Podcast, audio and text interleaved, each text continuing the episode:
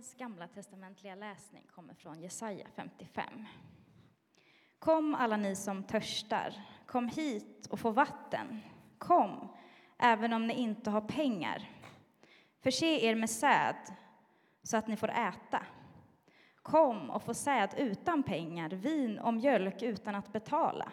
Varför lägger ni pengar på det som inte är bröd, er lön på sådant som inte mättar? Lyssna till mig, så får ni äta gott och njuta av feta rätter. Kom till mig och hör noga på. Lyssna, så får ni liv. Jag sluter ett evigt förbund med er. Den nåd jag visat David ska bestå. Honom gjorde jag till ett vittne för folken, till furste och härskare över dem. Så lyder Herrens ord. Gud, vi tackar dig. Så läser vi den här söndagens episteltext ifrån Uppenbarelseboken 22 och verserna 16 och 17. Jag, Jesus, har sänt min ängel till er för att vittna om detta i församlingarna. Jag är skottet från Davids rot och hans ättling, den strålande morgonstjärnan. Och anden och bruden säger kom, och den som hör det ska säga kom. Och den som törstar skall komma, och den som vill ska fritt få dricka av livets vatten. Så lyder Herrens ord. Gud, vi tackar dig. Upplyft era hjärtan till Gud och hör dagens heliga evangelium enligt evangelisten Johannes. Jesus kom till en stad i Samarien som heter Sykar, inte långt från den mark som Jakob gav sin son Josef. Där fanns Jakobs källa. Jesus som var trött efter vandringen satte sig ner vid källan, det var mitt på dagen. En samarisk kvinna kom för att hämta vatten. Jesus sa till henne, ge mig något att dricka. Lärjungarna hade nämligen gått bort till staden för att köpa mat. Samariskan sa, hur kan du som är jude be mig om vatten? Jag är ju en samarisk kvinna. Judarna vill inte ha något med Samarien att göra. Jesus svarade henne, om du visste vad Gud har att ge och vem det är som säger till, mig, till dig, ge mig något att dricka, då skulle jag bett honom och han skulle gett dig levande vatten. Kvinnan sa, Herre, du har inget att hämta upp det med och brunnen är djup. Varifrån tar du då det levande vattnet? Skulle du vara större än vår fader Jakob som gav oss brunnen och själv drack ur den, liksom hans söner och hans boskap? Jesus svarade, den som dricker av det här vattnet blir törstig igen. Men som, den som dricker av det vatten jag ger honom blir aldrig mer törstig. Det vatten jag ger blir en källa i honom med ett flöde som ger evigt liv. Kvinnan sa till honom, Herre, ge mig det vattnet så att jag aldrig blir törstig behöver gå hit efter vatten.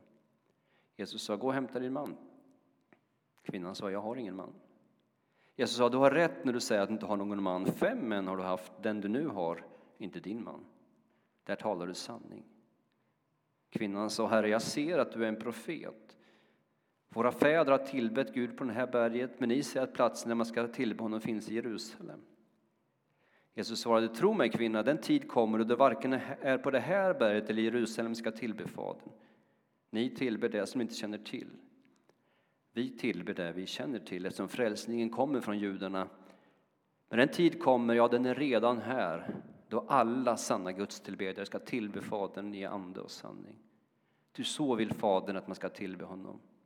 Gud är ande och de som tillber honom måste tillbe i ande och sanning. Kvinnan sa, jag vet att Messias kommer, alltså den smorde, och när han kommer ska han låta oss få veta allt. Jesus sa till henne, det är jag, den som talar till dig. Så lyder det heliga evangeliet.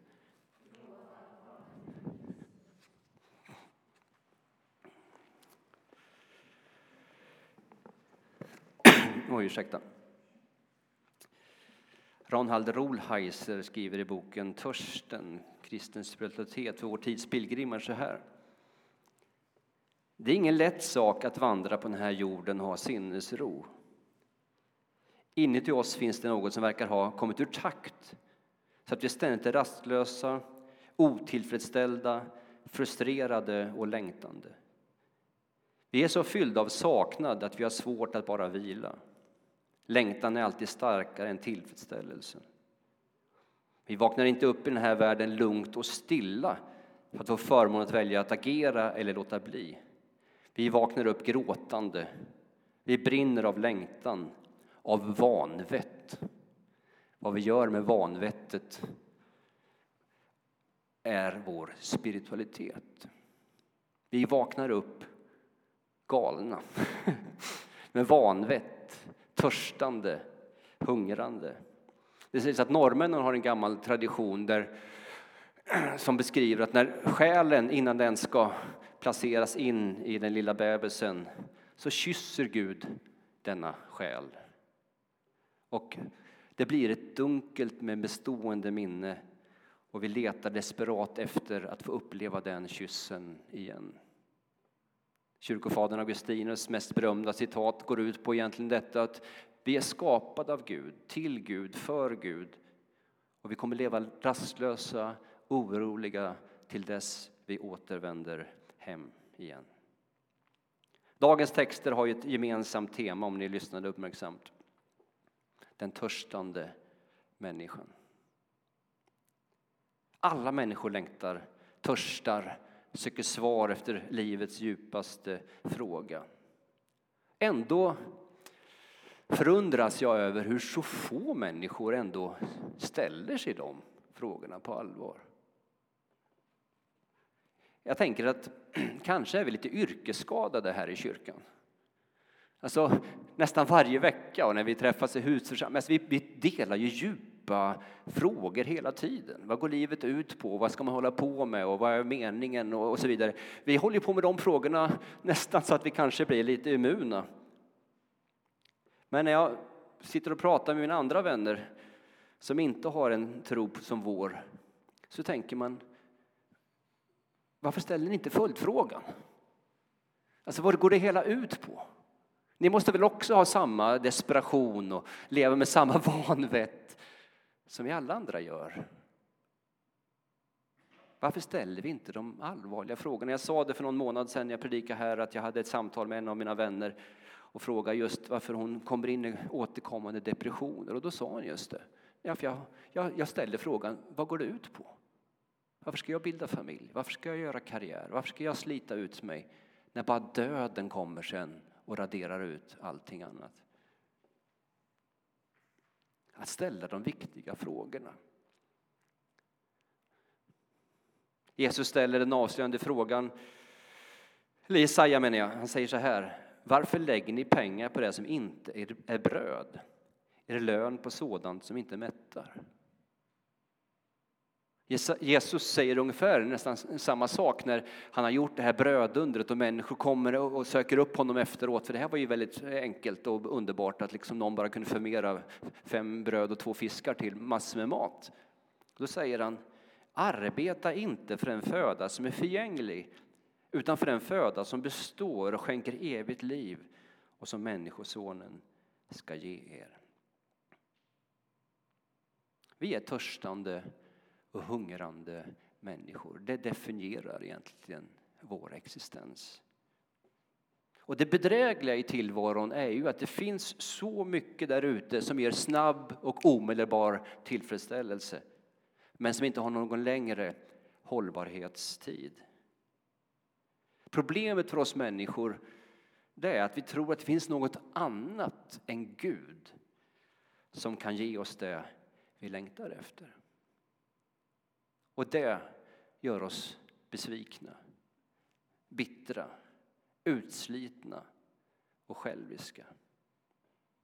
För vi tänker att det här ska äntligen mätta mig på djupet.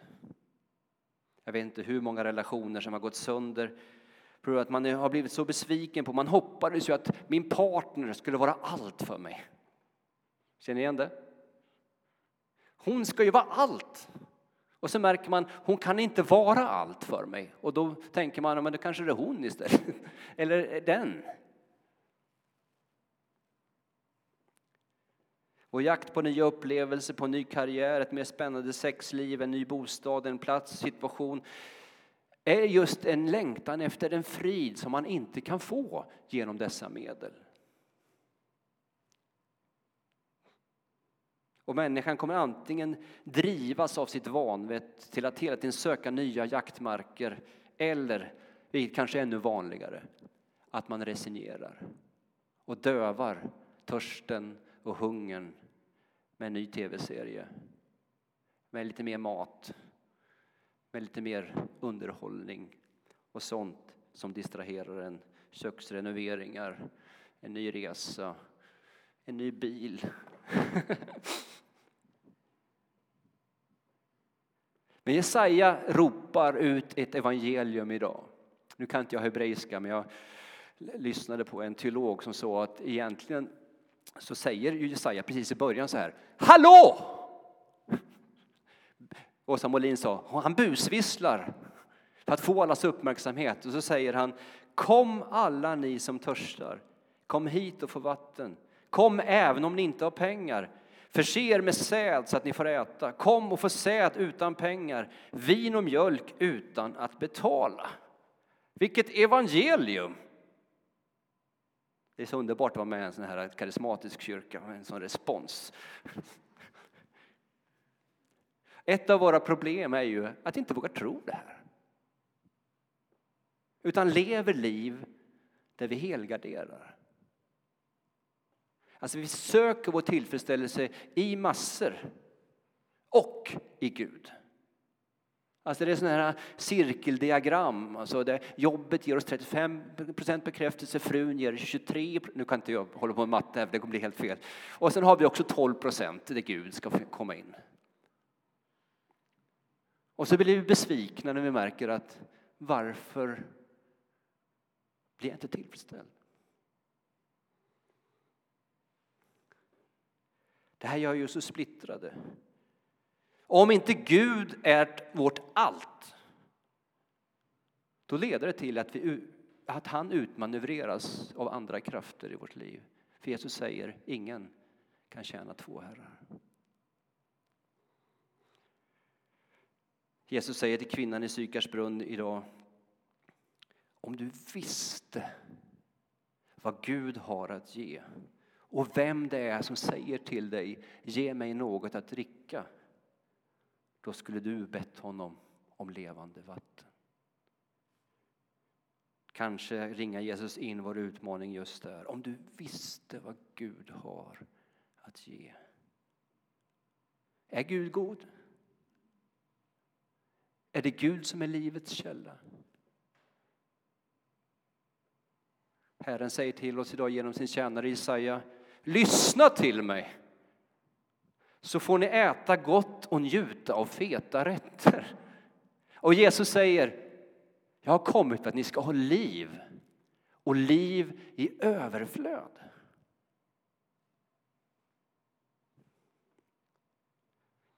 Kanske är dagens budskap Kanske kan det sammanfattas egentligen med den klassiska meningen från Jesus. Sök först Guds rike och hans rättfärdighet. Då ska ni få allt det andra också. Fast vi börjar med allt det andra och så får vi ingenting.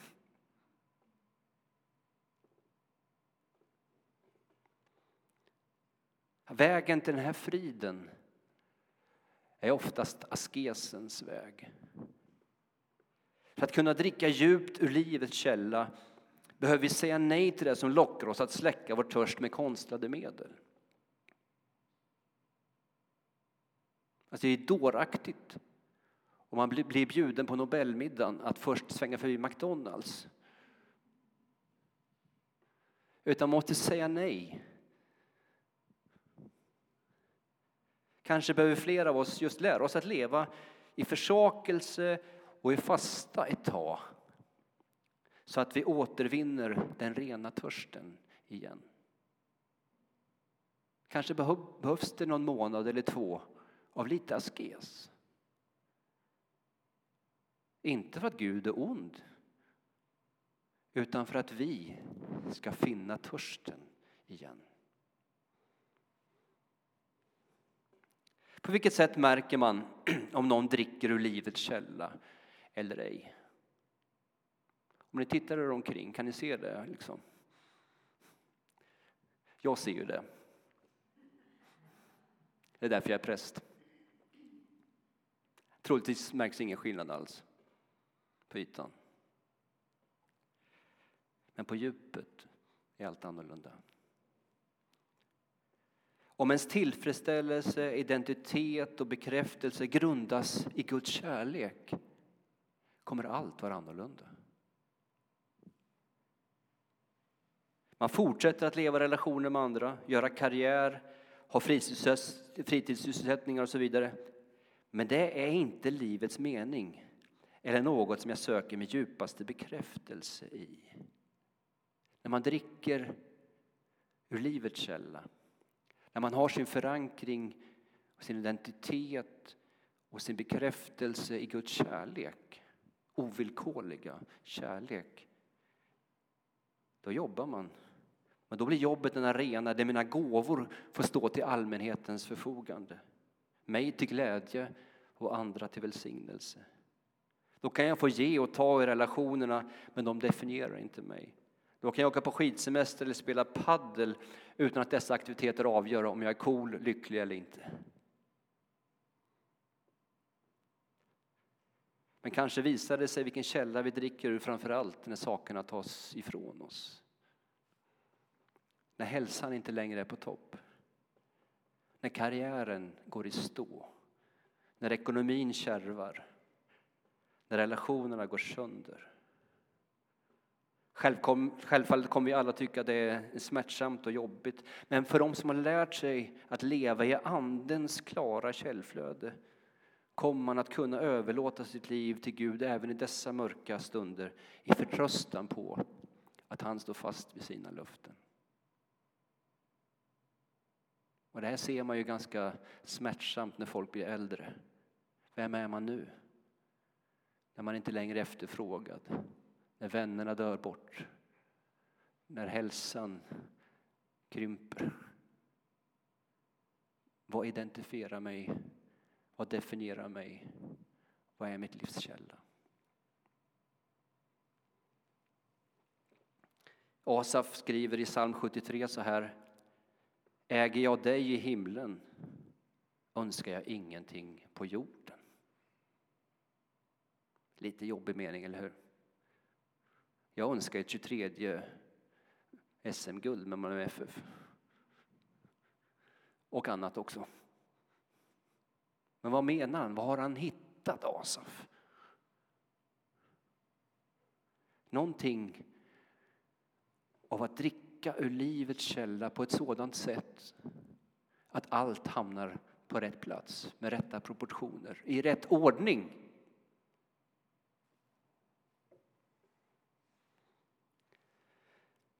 Idag inbjuds ju alla till att komma och dricka ur den klara källan. Och det underbara är att Jesaja proklamerar att här krävs inga särskilda begåvningar, kriterier eller något särskilt VIP-pass. Kom, även om du inte har pengar. Kom, även om du inte kan. Det enda du behöver, det enda som krävs är att man har kontakt med sin egen törst. Alltså lite desperat, mycket längtande, svag, bristfällig, syndig, ja, men törstande. Och en av de rastplatser där Herren bjuder av feta rätter är här, vid det dukade bordet. Ni kanske undrar, jag vet inte om jag förklarat det, varför den, vi har den här lilla grejen här. Det är en bild på tabernaklet. Alltså Herrens närvaro när han går med dem i öknen med Israels folk. Det kommer vatten ur klippan och manna från himlen. Herren är bland sitt folk och inbjuder oss att komma och äta och dricka och det mirakulösa. Och det märkliga är att när vi deltar i bordets och ordets måltid, desto mer vill vi ha. När Herren bjuder till måltid, då väcks en hunger i törst i oss att hela tiden vilja ha mer. Så det är ett positivt jul. Min törst driver mig till Kristus, vilket gör att jag blir ännu törstigare. och vill ha mer och mer och mer. Och det allvarliga är när vi distanserar oss, undviker, uteblir så dör törsten och hungern och vi blir likgiltiga, cyniska och nonchalanta. Herren väcker och fördjupar vår kärlek till dess att vi en gång får sitta ner vid den stora festen som aldrig någonsin tar slut. Och det underbara är, tänkte ni på vad Jenny läste från Uppenbarelseboken? Bruden säger kom.